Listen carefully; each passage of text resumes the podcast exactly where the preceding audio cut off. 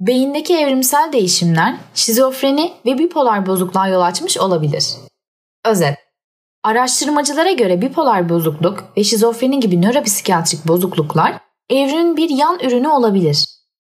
Bizi kötü sırt ağrılarına ve gömülü 20 yaş dişlerine eğilimli kılan nispeten yeni evrimsel değişimlerin benzer yönleri bireyleri şizofreni, bipolar bozukluk ve diğer nöropsikiyatrik bozuklukları sürükleyen uzun ve DNA üzerinde kodlanmayan uzanımlar üretiyor olabilir. 9 Ağustos'ta American Journal of Human Genetics adlı dergide yayımlanan bir çalışmada beyne kalsiyum iletilmesini denetleyen bir genin sadece insanlarda bulunan versiyonunda alışılmışın dışında uzunlukta bir nükleotit dizisi tanımlanıyor. Stanford Üniversitesi'nde gelişimsel biyoloji alanında profesör olan David Kingsley, bu nükleotit dizilerin yapı ve sıralarındaki değişimler insan evriminde CAC, NA1C yani beyindeki hücrelerin elektrik sinyalleri üretmesinde önemli yeri olan kalsiyum atomlarının hücreye iletilmesi için kanal yapımını sağlayan gen ailesinin bir üyesindeki değişimlere katkıda bulunuyor ve bu değişimler modern insan nüfusunda nöropsikiyatrik hastalık riskini modüle edebilir dedi.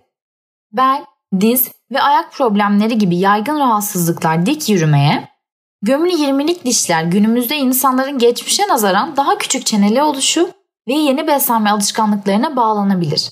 Ancak Kingsley, modern insanda nörolojik hastalıkların yaygınlığını, beynin boyutunu, bağlantı yeteneğini ve fonksiyonunu kontrol eden genlerdeki yeni evrimsel değişimlere bağlandığını varsayıyor. Bipolar bozukluk ve şizofreni dünya nüfusunun %3'ünden fazlasını etkilemektedir. Kayıp veri Tekrarlayan dizilimler genin kodlama diziliminin içinde ya da dışında oluşan tekrarlanmış DNA uzunluklarıdır. Bilim insanları karmaşık nörolojik işlevlerdeki bireyden bireye varyasyonlarını açıklayabilmek için varsayımlar üretiyorlar ve bunlar gen ifadesini modüle etmek için resmen bir ayar düğmesi olarak çalışabilirler.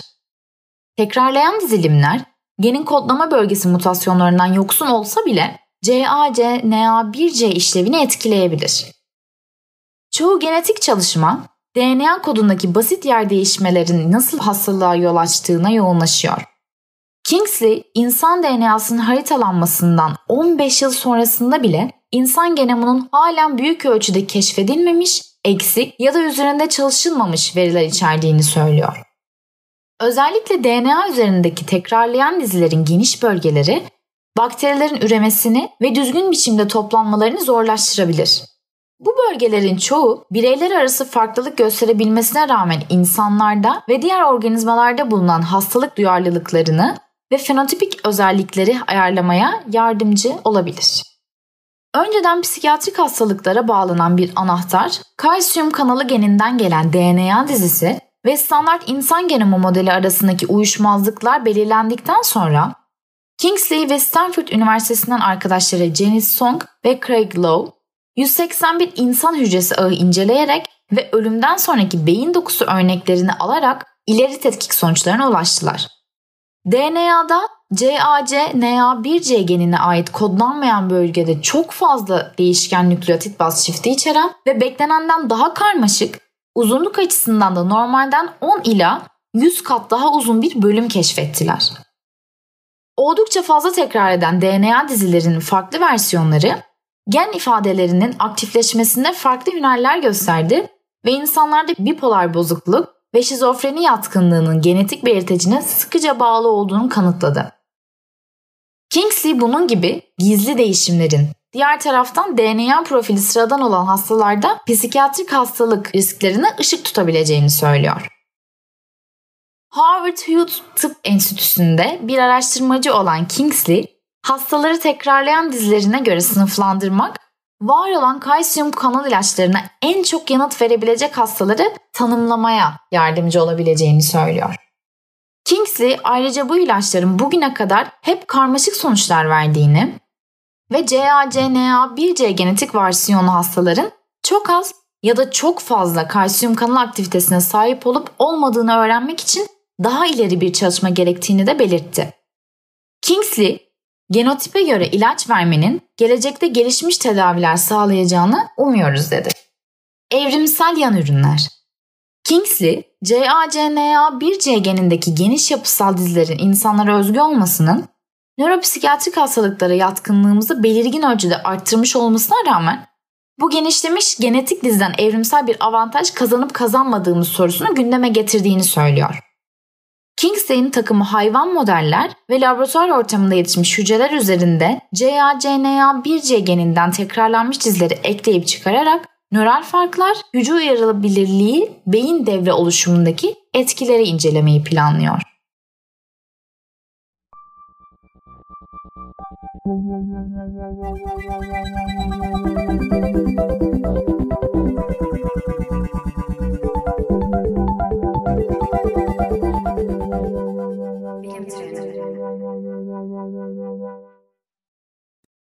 Yazar Asya Demirkol, düzenleyen Ümit Sözbilir, seslendiren Ebru Yaman. Mars insanlığın ikinci yuvası olabilir mi? Özet. Gelişen teknolojimizle beraber bir yandan hızla yükseliyor, diğer yandan ise gezegenimizi yok ediyoruz. Durum böyle olunca uzaya yayılmak ve insan ırkının devamını sağlamak tek seçenekmiş gibi gözüküyor. Yeni evimiz için en uygun olan gezegen ise şu an sadece Mars. Bildiğiniz üzere son yıllarda dünya gündemini oldukça meşgul eden bazı başlıklar mevcut. İnsanlığın başka gezegenlere gidip kümeleşmesi ve gök adalara yayılması ise bu başlıklardan en ilginç olanı. Kabul etmek her ne kadar zor olsa da gezegenimiz tükeniyor. Doğal kaynakların bitmesi, küresel ısınma ve savaşlar dünyayı yavaşça yok ediyor. Ancak insanlık içinde aynı sonun gelmesine gerek yok. Evet, belki burada doğduk ancak burada ölmek zorunda değiliz. Galaksimizin dışında bilim insanlarının yaşanılabilir olduğunu düşündüğü yaklaşık 1 milyar kadar gezegen var. Bunların büyük çoğunluğu bizden çok uzak olsa da Güneş sistemimizde yaşanılabilir bir hale getirilebilecek olan kızıl bir gezegen mevcut. Mars. Neden Mars'ın yaşanılabilir olduğunu düşünüyoruz? Bildiğiniz üzere Güneş sistemimizde 8 tane gezegen var. Merkür, Venüs, Dünya, Mars, Satürn, Jüpiter, Uranüs ve Neptün. Ancak bu gezegenlerin hepsi aynı kümeye girmezler. Çünkü gezegenler yapıları itibariyle ikiye ayrılır. Merkür, Venüs, Dünya ve Mars iç gezegenler olarak sınıflandırılır. Bu gezegenlerin ayak basacak sert bir zeminleri vardır. Kısmen Dünya'ya benzerler. Jüpiter, Satürn, Uranüs ve Neptün ise dış gezegen olarak adlandırılır. Bunlar devasa gaz küreleridir. Haliyle ayak basacak sert bir yüzeyleri yoktur. Bu nedenle dış gezegenleri insanoğlunun ikinci yuvası olma şerefinden mahrum bırakmak zorunda kalıyoruz ve elimizde Merkür, Venüs ve Mars kalıyor. Merkür'e baktığımızda yüzeyinin kalay ve kurşun gibi metalleri eritebilecek kadar sıcak olduğunu görüyoruz. Venüs'e baktığımızda ise gezegenin yüzeyine asit yağdığını, atmosferdeki gazların güneş ışınlarını yuttuğu için en sıcak gezegen olduğunu ve yanardağlarla çevrelendiğini görüp düşman başına diyerek geriye kalan tek seçeneğimize odaklanıyoruz. Mars. Mars hakkında her şey. Mars'a odaklanmamızın tek nedeni elbette diğer gezegenlerin elenmesi değil. Mars bazı bakımlardan Dünya ile oldukça benzeşiyor.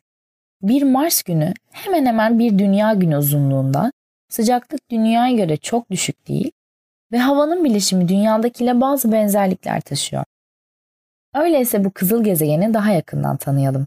Kemerleri bağlayın. Mars, Güneş'ten uzaklık bakımından dördüncü sırada yer alan katı haldeki son gezegen. Adını Roma savaş tanrılarından alan Mars, kızıl gezegen olarak da adlandırılıyor çünkü toprağının içindeki demir oksitlenerek pas haline gelip gezegene kırmızı bir görüntü veriyor. Atmosferinde ise %95 oranında karbondioksit, %3 oranında azot, %2 oranında argon ve %1'den daha az bir oranda oksijen bulunmakta. Mars, Güneş sistemimizdeki ikinci en küçük gezegen, yani Dünya'nın yaklaşık olarak %53'ü kadar. Yer çekimi kuvveti ise Dünya'nınkinin %37'si.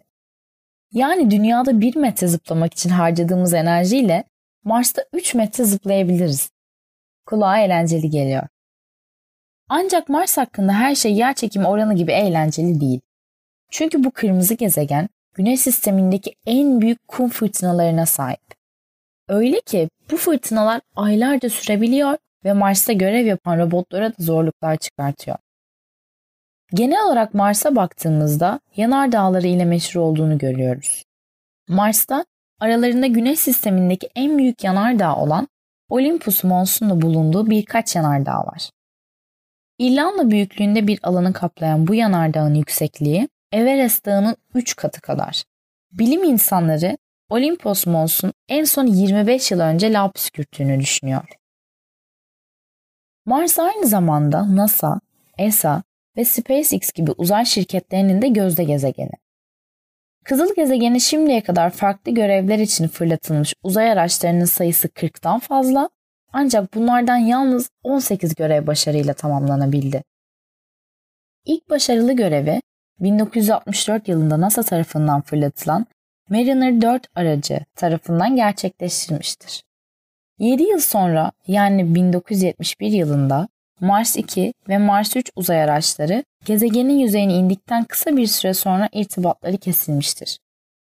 Sonraki yıllarda Viking 1, Viking 2, Mars Global Surveyor, Mars Pathfinder, Opportunity ve Phoenix görevleri başarıyla tamamlamıştır.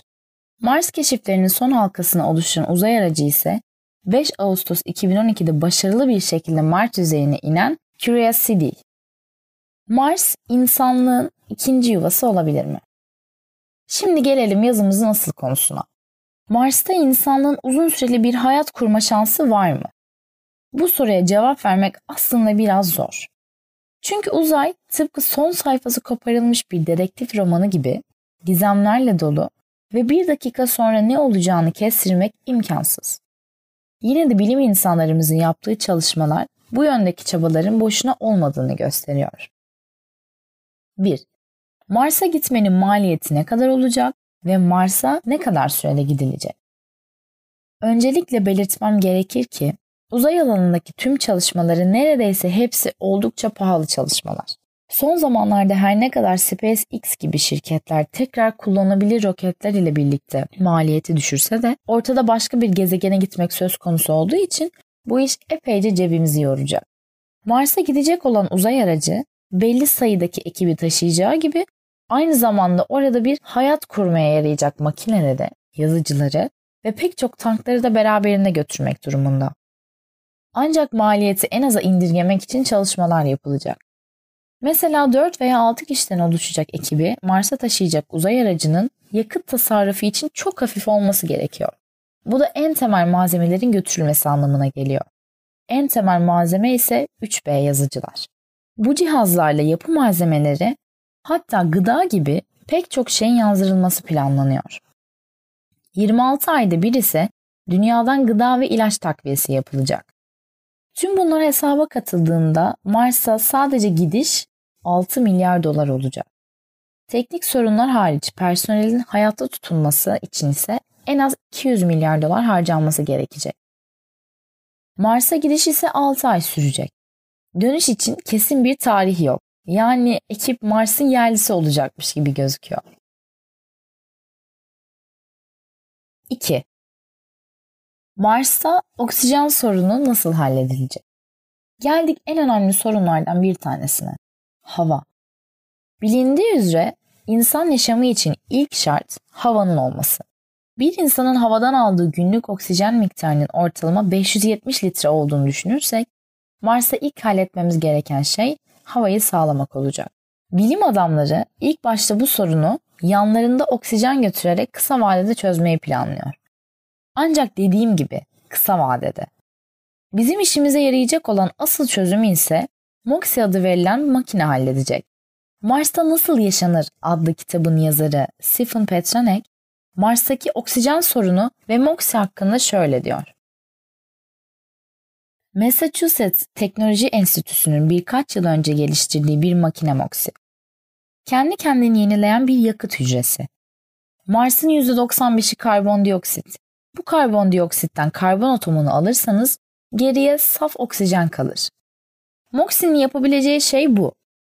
Mars atmosferinde karbondioksit görüp nasıl nefes alacağınızı düşünürseniz %72'si oksijen bu havanın. Karbon molekülü sadece %28'ini oluşturuyor. 2020'de Mars'a ikinci nesil Curiosity keşif aracını göndereceğiz. Ön köşesinde MOXI'yi taşıyacak bir kutu var. Onu Mars ortamında test yapmak için gönderiyoruz. Sonuçta bir kişiyi sonsuza kadar hayatta tutabilecek oksijen üretiyor olmalıyız. Bu küçük test makinesi 100 katı büyüklükte yapılabilecek şekilde tasarlandı. Birkaç yıl içinde Mars'a büyük bir MOXIE makinesi göndereceğiz. Depolama tankları olacak. Oraya inecek ve makineyi çalıştırdığımızda oksijen üretmeye başlayacak. Tankları sıvı oksijenle dolduracak. Bu oksijeni ise iki şekilde kullanabileceğiz. Oraya gelenleri nefes almaları için ve roket yakıtlarındaki bileşimleri elde etmek için. 3. Mars'ta su sorunu nasıl çözülecek? Havadan sonraki en ama en önemli problemimiz su olacak. Olur mu canım? Mars'ta su var ya diyenleri duyar gibiyim. Evet, sadece Mars'ın kuzey kutbunda Grönland buzullarının üçte biri kadar su var. Ancak bunu güney kutbunu ve yer altındaki buz tabakasını ekleyince rahatlıkla Grönland'ın toplam buzul kapasitesini buluyoruz. Ama önemli olan bu suyun kullanılabilirliği. Koloni kurmaktan bahsettiğimiz için aynı zamanda bu uzun vadede bir çözüm olmalı. Neyse ki Mars atmosferinden su çıkarabilecek makinelerimiz var. Evet, yanlış duymadınız. Bu makineye Wyver deniyor. Wyver 15 yıl önce icat edilen bir makine. Bir ucunda pervane ve zeolit adlı bir mineral kitlesi var. Zeolit dünyada ve Mars'ta bolca bulunan bir metal çeşidi. Wyver Mars atmosferini emiyor ve atmosferdeki bileşenleri de zeolitten geçiriliyor. Zeolit Mars atmosferinden su buharını alarak suyla doluyor. Sonra da zeolit sıkılıp su elde ediliyor. Her ne kadar cazip bir yöntem olsa da makinelere bu konuda bel bağlamak bir çözüm oluşturmuyor. Bu nedenle bilim insanları hala kalıcı bir su kaynağı bulmaya çalışıyor. 4. Mars'ta insanlar ne yiyecek? Açıkçası belirtmem gerekir ki sorunun cevabına yönelik henüz elle tutulur bir çözüm yok. Şu an için sadece varsayımlar ve bu varsayımlara göre oluşturulmuş planlar mevcut.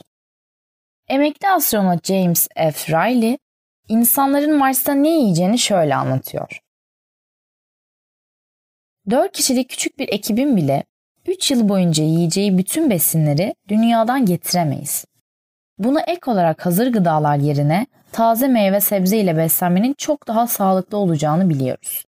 Dolayısıyla Mars'ta kurulan seralarda turfanda meyve sebze yetiştireceğiz. Ancak Mars'ta yetiştireceğimiz bitkileri sadece beslenme amacıyla değil, kimyasal madde ve ilaç kaynağı olarak da kullanacağız. Örneğin Mars'ta ozon tabakası olmadığı için mor ötesi ışınlardan korunmamız gerekecek. Bunun için de yüksek UV koruma faktörlü güneş kremleri kullanacağız. Hızlı tüketim malzemesi olarak güneş kremini de Mars'ta üretmek zorundayız.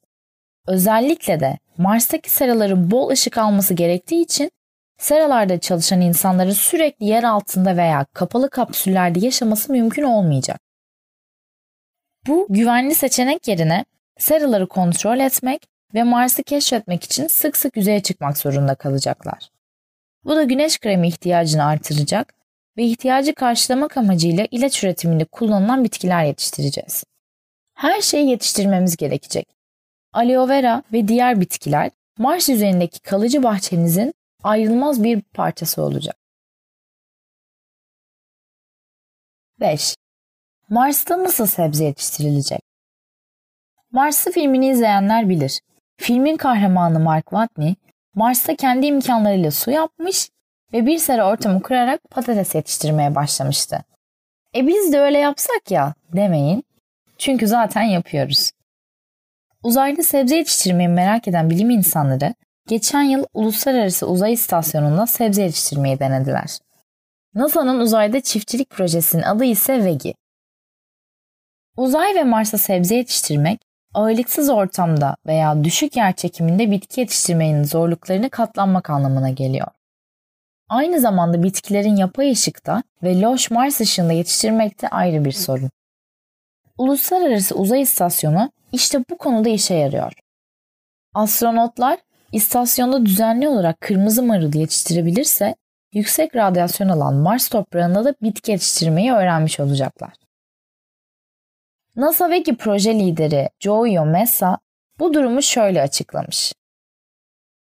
Astronotların gayet güzel bir diyeti var. Uzay istasyonunda çok çeşitli besinler tüketiyorlar ama taze sebze bulmaları zor oluyor. Bu işin en zor yanı uzayda büyümeye uygun bitkileri seçmek ve bunlara doğal ışık sağlamak. Eh işte böyle. Her soruna kalıcı bir çözüm bulduğumuzu söyleyemeyiz ancak uğraşıyoruz. Ve geç de olsa o Mars'a gidilecek gibi gözüküyor. Ne diyelim? Bir Mark Watney değiliz ama bizde de Mars'ta olma potansiyeli var gibi sanki. Bilimle kalın. Nükleer enerji dost mu düşman mı? Yazar Burak Çankaya, düzenleyen Barış Bayraktar, seslendiren Selin Soylal'dı. Nedir, nasıl üretilir? Nükleer enerji denince genellikle fisyon yani çekirdek bölünme sonucu açığa çıkan enerji anlaşılır. Fisyon doğal veya yapay olarak gerçekleşebilir. Doğal radyoaktifler kendi başlarına parçalanabilirler. Yapay fisyonda da sadece nötron kullanılmaz. Her parçacık tetikleyici olabilir ama nükleer enerji için gereken tetikleyici nötrondur. Bir diğer nükleer enerji üretim yolu füzyondur, çekirdek birleşmesi. Ama füzyon yıllar süren çabalara rağmen pratikte ümit vadeden bir noktaya getirilememiştir. Bazı izotoplar nötron yutunca bölünürler ve bölünme ürünleri kazandıkları kinetik enerjileriyle yani füzyon sırasında açığa çıkan enerjinin 7 6'sı ile olay yerinden uzaklaşmaya çalışırlar. Bu katının katı içinde hareket etmesi, etmeye çalışması demektir. Beklendiği üzere ortam çok ısınır. Nükleer enerji sonuçta ısı enerjisi olarak açığa çıkar. Peki nükleer reaktör nedir? Özetle nükleer reaktör bir nükleer reaksiyonun yani fisyonun kontrollü bir şekilde gerçekleştirilmesini ve bu sırada açığa çıkan ısının sürekli ve düzenli olarak üretimini güvenli, çevreci ve güvenilir bir şekilde sağlamak üzere tasarımlanmış makinedir. Sürekli ve düzenli üretim için iki şey öncelikle sağlanmalıdır. 1. Fisyon reaksiyonunun birebir, kontrollü bir şekilde sürdürülmesi. 2. Üretilen ısının uygun şekilde ortamdan çekilmesi. Bazı izotoplar fisildir, yani yavaş bir nötron yuttuklarında büyük olasılıkla bölünürler. Fisil izotoplar nükleer enerji üretiminde başrolü üstlenirler. Her bir fisyon sonucu 2 veya 3 nötron açığa çıkar.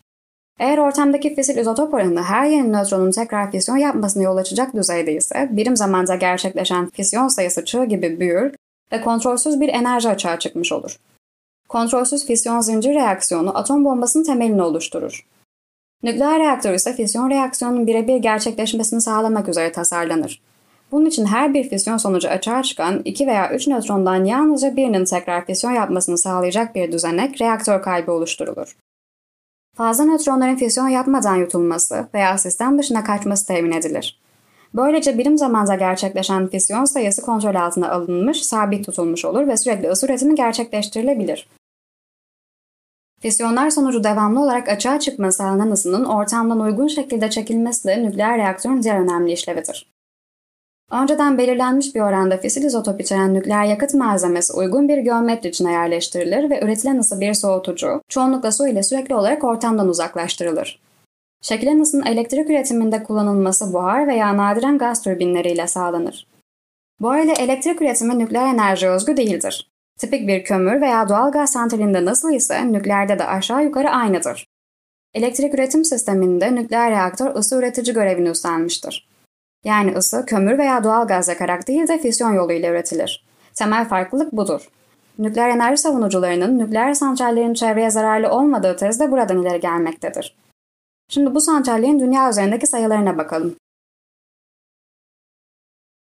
Kullanılmış nükleer yakıt Reaktörden çıkan kullanılmış nükleer yakıtın yaklaşık %95,5'i uranyum, %0,9'u plütonyum, %3,5'i fisyon ürünü hafif izotoplar ve %0,1'i diğer ağır izotoplardan oluşur. Yani orijinal yakıtın yalnızca 20'de biri değişime uğramıştır ve bu değişime uğrayan kısmın 5'te biri kadar da nükleer enerji üretimi açısından değerli bir element olan ve doğada bulunmayan plütonyumdan oluşmaktadır. Kullanılmış nükleer yakıt reaktörden çıktığında yanına yaklaşılamayacak yani ölümcül seviyede radyoaktiftir. Zamanla radyoaktivitesi azalır ve 40-50 yıl içinde reaktörden çıktığı zamanki değerin binde birine düşer. Ama çok uzun yıllar insan ve çevre için potansiyel bir tehlike olmayı sürdürür. Taze nükleer yakıt ve kullanılmış nükleer yakıt aynı dış yapıdadır. Uzaktan bakınca hangisinin kullanılmış, hangisinin taze olduğunu ayırt etmek hiç de kolay değildir. Atık olarak tanımlanan maddeler orijinal yakıtın içinde küçük bir kısım olarak oluşmuş ve orada kalmıştır. Yani her şey ince uzun metal tüplerin içinde olup biter. Tartışmalar Nükleer enerji günümüzün ve geleceğin en önemli enerji kaynaklarından biri olarak kabul görmektedir. Petrol ve doğal gazın bazı ülkelerde geniş rezervler halinde bulunması ve bu kaynakların yenilenemez oluşu birçok ülkeyi nükleer araştırmalara ve nükleer enerjiden faydalanmaya yönlendirmiştir. Bugün bakıldığında dünya üzerinde 400'den fazla nükleer enerji santrali vardır. Ve bunlar dünyanın toplam elektrik ihtiyacının %15'ini sağlayacak kapasitede çalışmaktadırlar. Örneğin Fransa elektrik ihtiyacının %77'sini nükleer reaktörlerden sağlamaktadır. Yetişmiş eleman, atıkların depolanması ve yeterli güvenlik çalışması nükleer santrallerin en önemli sorunlarıdır. Bu nedenlerle bugüne kadar çevreye zarar verebilecek ölçüde büyük 4 tane nükleer santral kazası gerçekleştiği bilinmektedir. Açıklanmayan ve gizlenen başka facialar olabilir. Bunlardan ilk ikisi alınan önlemlerle çevrelerine herhangi bir zarar vermediği söylenirken, üçüncü olarak gerçekleşen Çernobil faciasının doğaya ve insanlara çok feci zararlar verdiği bilinmektedir. Dördüncü Fukushima faciası ise Çernobil faciasının tehlike seviyesi olarak geçtiği belirtilmiştir. Bu kazalar 1. 1957 yılında İskoçya'da meydana gelen Windscale kazası. Bu kazada reaktörün civarına bir miktar radyasyon yayılmakla beraber ölümle veya akut radyasyon hastalığıyla sonuçlanan bir olay meydana gelmemiştir. 2. 1979 yılında ABD'de meydana gelen Three Mile Island kazası, normal bir işletim arızası, ekipman kaybı ve operatör hatasıyla kazaya dönüşmüş ancak kısmi reaktör kaybı ergimesi meydana gelmesine rağmen reaktörü çevreleyen beton koruyucu kabuğun sayesinde çevreye ciddi bir radyasyon sızıntısı olmadığı söylenmiştir. 3. 1986 yılında Ukrayna'da meydana gelen Çernobil reaktör kazası tek kelimeyle bir faciadır. Kazanın nedenleri operatörlerin güvenlik mevzuatına aykırı olarak santralde deney yapmaları sonucunda reaktördeki aynı güç artışı ve santral tasarımında derinliğinde güvenlik prensibine aykırı olarak reaktörü çevrelemesi gereken bir beton koruyucu kabuğuna inşa edilmemiş olması olarak özetlenebilir. 4. 2011 yılında Japonya'da meydana gelen Fukushima nükleer santrali kazaları. Fukushima nükleer santrali kazaları 9 büyüklüğündeki 11 Mart günü olan 2011 Toku depremi ve tsunami sonrasında meydana geldi. Honshu Adası açıklarında meydana gelen bu deprem Japonya'da büyük bir tsunami'ye yol açtı. Tsunami Japonya'ya çok büyük zarar verdi ve nükleer enerji santrallerinde arızalar meydana geldi. 26 Nisan 1986'da Ukrayna'daki Çernobil nükleer reaktöründe meydana gelen patlama ve sonucunda yayılan radyoaktif madde, Ukrayna, Beyaz Rusya ve Rusya'da yaşayan 336 bin insanın tahliyesine, 56 kişinin ölümüne, 4 bin doğrudan ve ilişkili kanser vakasına ve 600 bin kişinin sağlığının ciddi şekilde etkilenmesine sebep olmuştur. Nükleer kalıntıların ürettiği radyoaktif bulut patlamadan sonra tüm Avrupa ve Türkiye'de özellikle Karadeniz ve Marmara bölgesi üzerine yayılmış ve Çernobil'den yaklaşık 1100 kilometre uzaklıktaki İsveç Forsmark nükleer reaktöründe çalışan 27 kişinin elbiselerinde radyoaktif parçacıklara rastlanmış ve yapılan araştırmada radyoaktif parçacıkların İsveç'ten değil Çernobil'den gelen parçacıklar olduğu tespit edilmiştir. Bunun gibi nedenlerle günümüzde dünyanın birçok yerinde ve Türkiye'de de nükleer karşıtı gruplar oluşmuştur. Bunlardan en ünlüleri Yeşiller Partisi, Yeşil Barış, Nükleer Karşıtı Platform, Anti-Nükleer Cephe ve bu konuda öne çıkan bireysel tepkilerdir. Nükleer enerji santrali yapılması istenilen Sinop ve Akkuyu'da ayrıca yerel bazı nükleer karşıtı örgütlenmeler de mevcuttur. Nükleer enerjiyi savunanların bazı gerekçeleri Nükleer santralin bir ülke için çekici yanları nelerdir? Çevreyi kirletmez, karbondioksit ve karbon monoksit salmaz, azot ve sülfür oksitleri salmadığı için asit yağmurlarına neden olmaz. Ülkenin nitelikli personel sayısını arttırır. Gelişmişlik kriteri olarak gösterilen üç büyük teknolojiden biri olduğu için ülke ekonomisinde ciddi bir zenginleşmeye neden olur. Ülke uranyum ve toryum yataklarına sahip ise kaynak bakımından dış ülkelere bağımlı olmaz. Risk açısından en düşük tehlike riskine sahip teknolojinin rahatlığını sağlar. Birim kilowatt başına termik santrallerden daha ucuza mal olan elektrik enerjisi sağlar. Nükleer enerjiye karşı olanların bu sayılanlara cevapları. Artık güvenli nükleer reaktörler yapıyorlar. Fukushima nükleer santralinde meydana gelen kaza, güvenli reaktörlerin bir masaldan ibaret olduğunu kanıtladı. Bu kazadan önce Japonya'nın en güvenli santralleri yaptığı iddia ediliyordu. Kaza ile birlikte Avrupa Radyasyon Risk Komitesi raporlarına göre 200 bin kişi kanser riskiyle karşı karşıya. Deprem olduğu sırada bakım nedeniyle kapalı olan dördüncü reaktör atık çubukların açığa çıkması nedeniyle sızıntı yaptı. İkinci reaktörde deprem sonrası açılan 20 santimlik çatlak yüzünden on binlerce ton radyoaktif su denize karıştı. Aradan 3 yıl geçmiş olmasına rağmen hala sızıntılar devam ediyor. Üstelik nükleer santrallerde rutin çalışma halinde dair radyoaktif maddeler havaya ve suya salınıyor. Örneğin Fransa'nın güneyindeki popüler turistik bir bölgede iki nehirde 2008'de musluk suların içilmesi, yüzmek ve balık tutmak yasaklandı. Sebebi ise Trijalsin nükleer santralinde 75 kilogramlık radyoaktif maddenin suya karışmasıydı. Ekonomik kalkınma sağlayacağız. Ticari nükleer santraller elektrik üretirler. Giderek artan ilk yatırım maliyetlerinden dolayı bu elektrik pahalı bir elektriktir. Belarus'a göre Çernobil kazasında ortaya çıkan maliyet 235 milyar dolar. Bu Türkiye'nin toplam ekonomisinin üçte birinden daha fazla. 28 yıl geçmiş olmasına rağmen hala her yıl Ukrayna ve Belarus, yıllık bütçelerinin %5 ila 9'luk önemli bir kısmını sadece Çernobil giderlerine ayırıyor. Bu oran olarak Türkiye'nin kamu sağlık harcamalarına denk. Nükleer santraller yapılmazsa karanlıkta kalacağız. Enerji politikaları hem ihtiyaç hem de bu ihtiyaca bağlı üretimin doğru yönetimiyle belirlenir. Pek çok ileri teknolojiyle enerji ihtiyacı düşürülebilir. Bu ülkenin cari açık dengesini de olumlu etkiler. Ayrıca ortaya çıkan ihtiyaç da rüzgar, güneş, jeotermal, biyokitle gibi yenilenebilir enerjilerin dengeli biçimde sisteme eklenmesiyle karşılanabilir. Üstelik şu anda dünyada en hızlı gelişen sektörler rüzgar ve güneş enerji sektörleri. Maliyetler hızla düşüyor. Türkiye'de durum çok farklı. Enerji ihtiyacının ekonomik büyümeden çok daha fazla artması verimsizliğin en önemli göstergesi. Bu ihtiyacı karşılamak için önceleri doğal gaza, şimdi nükleer ve kömür gibi yatırımlara yönelik siyasi destek öyle bir noktaya ulaştı ki, 2013 yılında Türkiye ihtiyacı olandan daha fazla elektrik üretti. Karanlıkta kalmak bir yana sektörde gereksiz bir balon oluştu. Fukushima kazasından önce Japonya'da 54 reaktör çalışıyordu. Ülkenin elektrik ihtiyacının %30'undan fazlası nükleer santrallerden geliyordu. Kaza sonrası bütün reaktörler denetim için kapatıldı. Bir yıla yakın bir süre Japonya'da nükleer santraller çalışmazken, bırakın karanlıkta kalmayı tek bir elektrik kesintisi bile olmadı. Tüm dünya nükleer enerji kullanıyor. Nükleer enerjinin dünya elektrik ihtiyacını en yüksek düzeyde karşıladığı tarih 1993'tü. Üstelik bu rakam sadece %17 idi. 2012 yılına gelindiğinde bu oran giderek azalarak %10'a düştü. Dünyanın en büyük ekonomileri arasındaki Almanya, Çin, Hindistan ve Japonya şu anda yenilenebilir enerjilerden nükleer enerji oranı daha fazla elektrik elde ediyor. Üstelik nükleer enerjinin dünya birincil enerji üretimi içindeki payı sadece ticari üretim sayısı bile %4,5'i geçmiyor. Ülkelerden örnekler verecek olursak. Japonya nükleer santrallerinin büyük bir kısmını kapattı. Almanya hükümeti 7 santrali kapattı, 2022 yılı sonuna kadar nükleer enerjiden tümüyle vazgeçilmesi konusunda karar alındı. İtalya'da nükleer santral kurulması konusu referanduma taşındı ve halkın %95'e yakını nükleere hayır dedi. İsviçre 3 yeni nükleer reaktör planını iptal etti ve 2034 yılına kadar nükleer santrallerini kapatacağını açıkladı.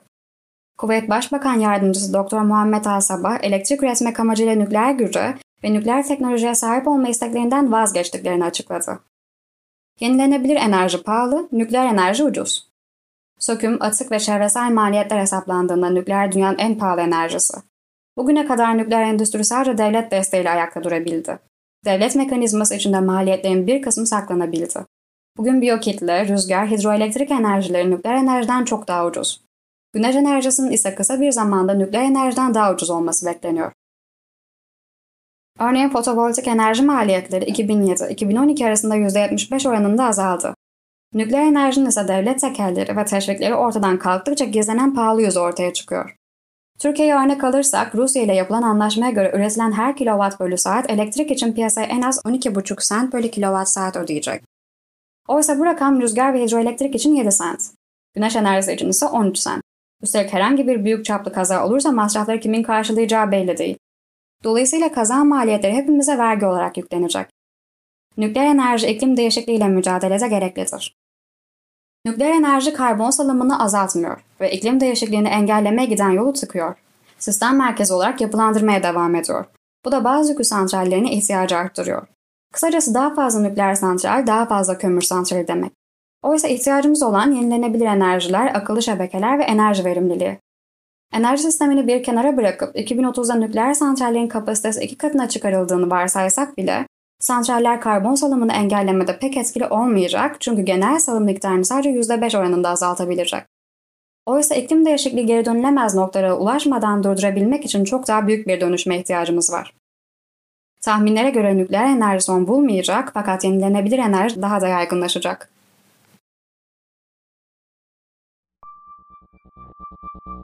Yazan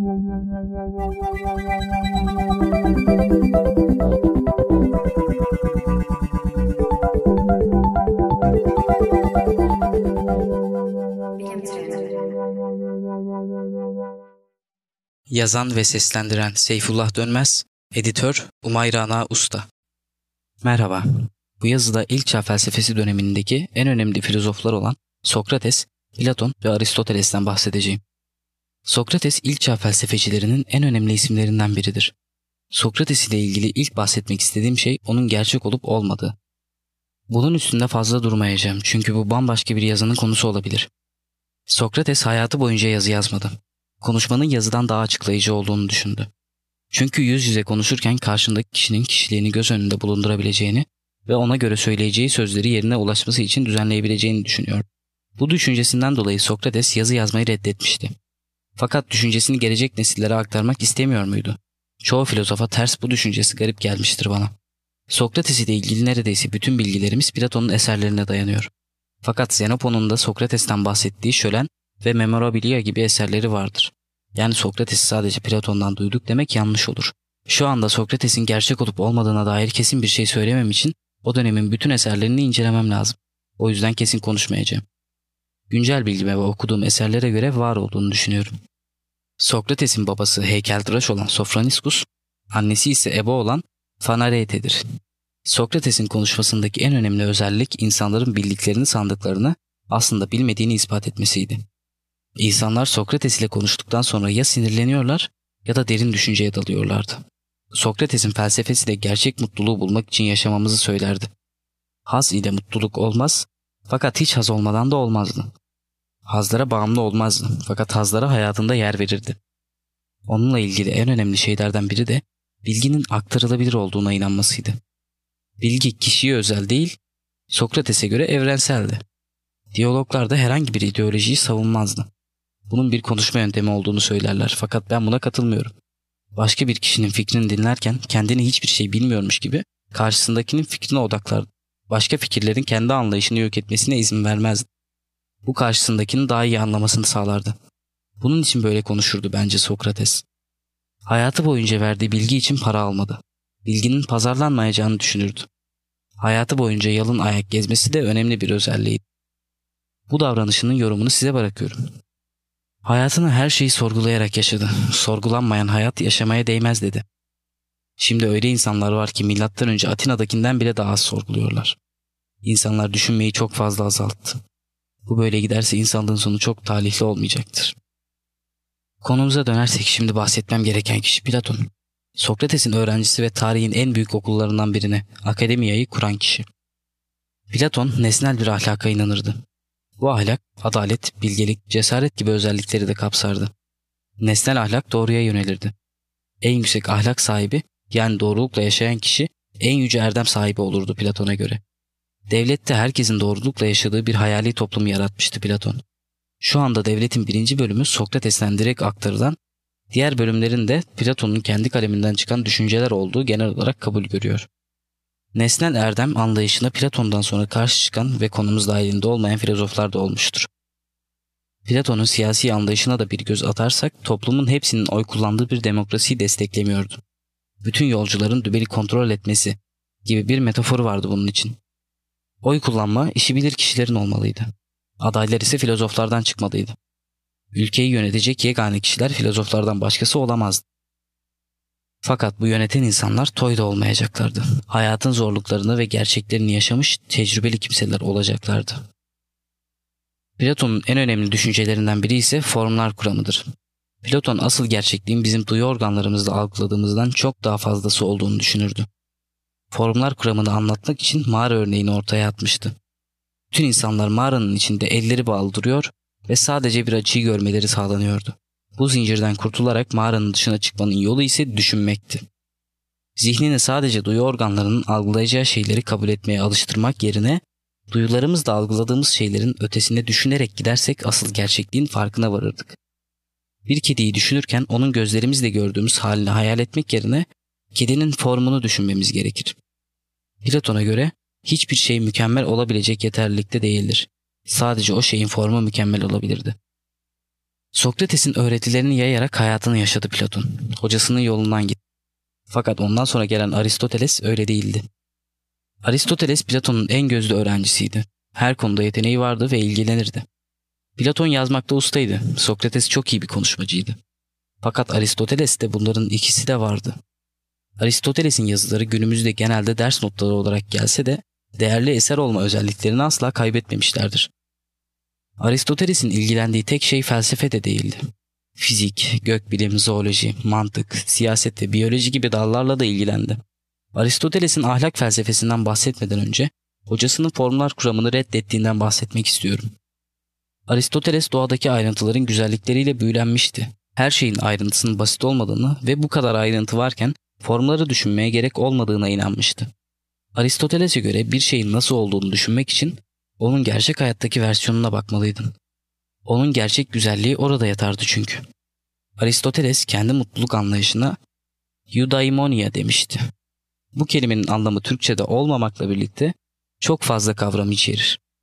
Tutkulu olmak, başarılı olmak, iyi yaşamak, iyi bir erdem sahibi olmak gibi şeylerin tek kelimede toplanmış halidir. Aristoteles'e göre hayatı günlük hazza göre yaşamak anlamsızdı. Çünkü hazı kovalayarak mutluluğa ulaşamazdı insan. Ulaştığını zannederdi belki. İnsanın doğası gibi bir şeyin olduğuna inanırdı. Her insan için en uygun yaşama biçimi olduğuna inanırdı. Eudaimonia birçok etkene göre değişebilirdi.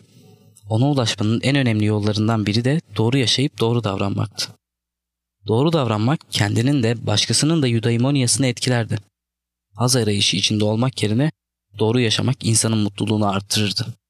Aristoteles'in araştırmaları çok kapsamlı olduğu için uzun süre kesin haklı olduğu düşünülmüş, görüşlerine karşı çıkan az kişi olmuştur. Fakat bu Aristoteles'in de felsefesinin de kabul ettiği bir şey değildir. Otoriter düşünce felsefenin adeta katliamdır diyebilirim.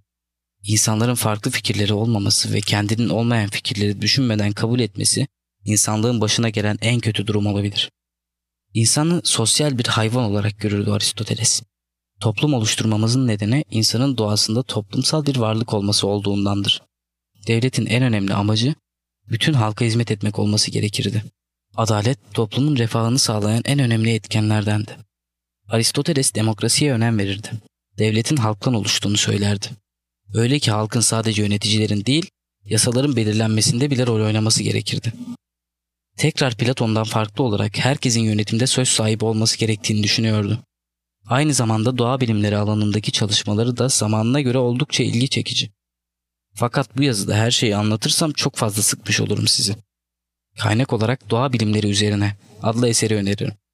Çevirisi Elif Günçe tarafından yapılmış Morpa Kültür Yayınları'nın felsefe dizisinde bulabilirsiniz. Bu yazıda size Sokrates'ten Aristoteles'e kadar olan ilk çağ felsefesini anlattım. Bu bölümü seçmemin nedeni ise Sokrates, Platon ve Aristoteles üçlüsünü gerçekten çok etkileyici bulmamdır. Felsefe bu yazıda anlattığım kişilerle gelişimine başladı. Şimdi geçmişte felsefecilerin bıraktığı çok fazla cevap var. Fakat gelecekte bizim cevap vermemiz gereken daha zor sorular var. Felsefeyi etkileyici bulanların daha fazla araştırmasını tavsiye ederim.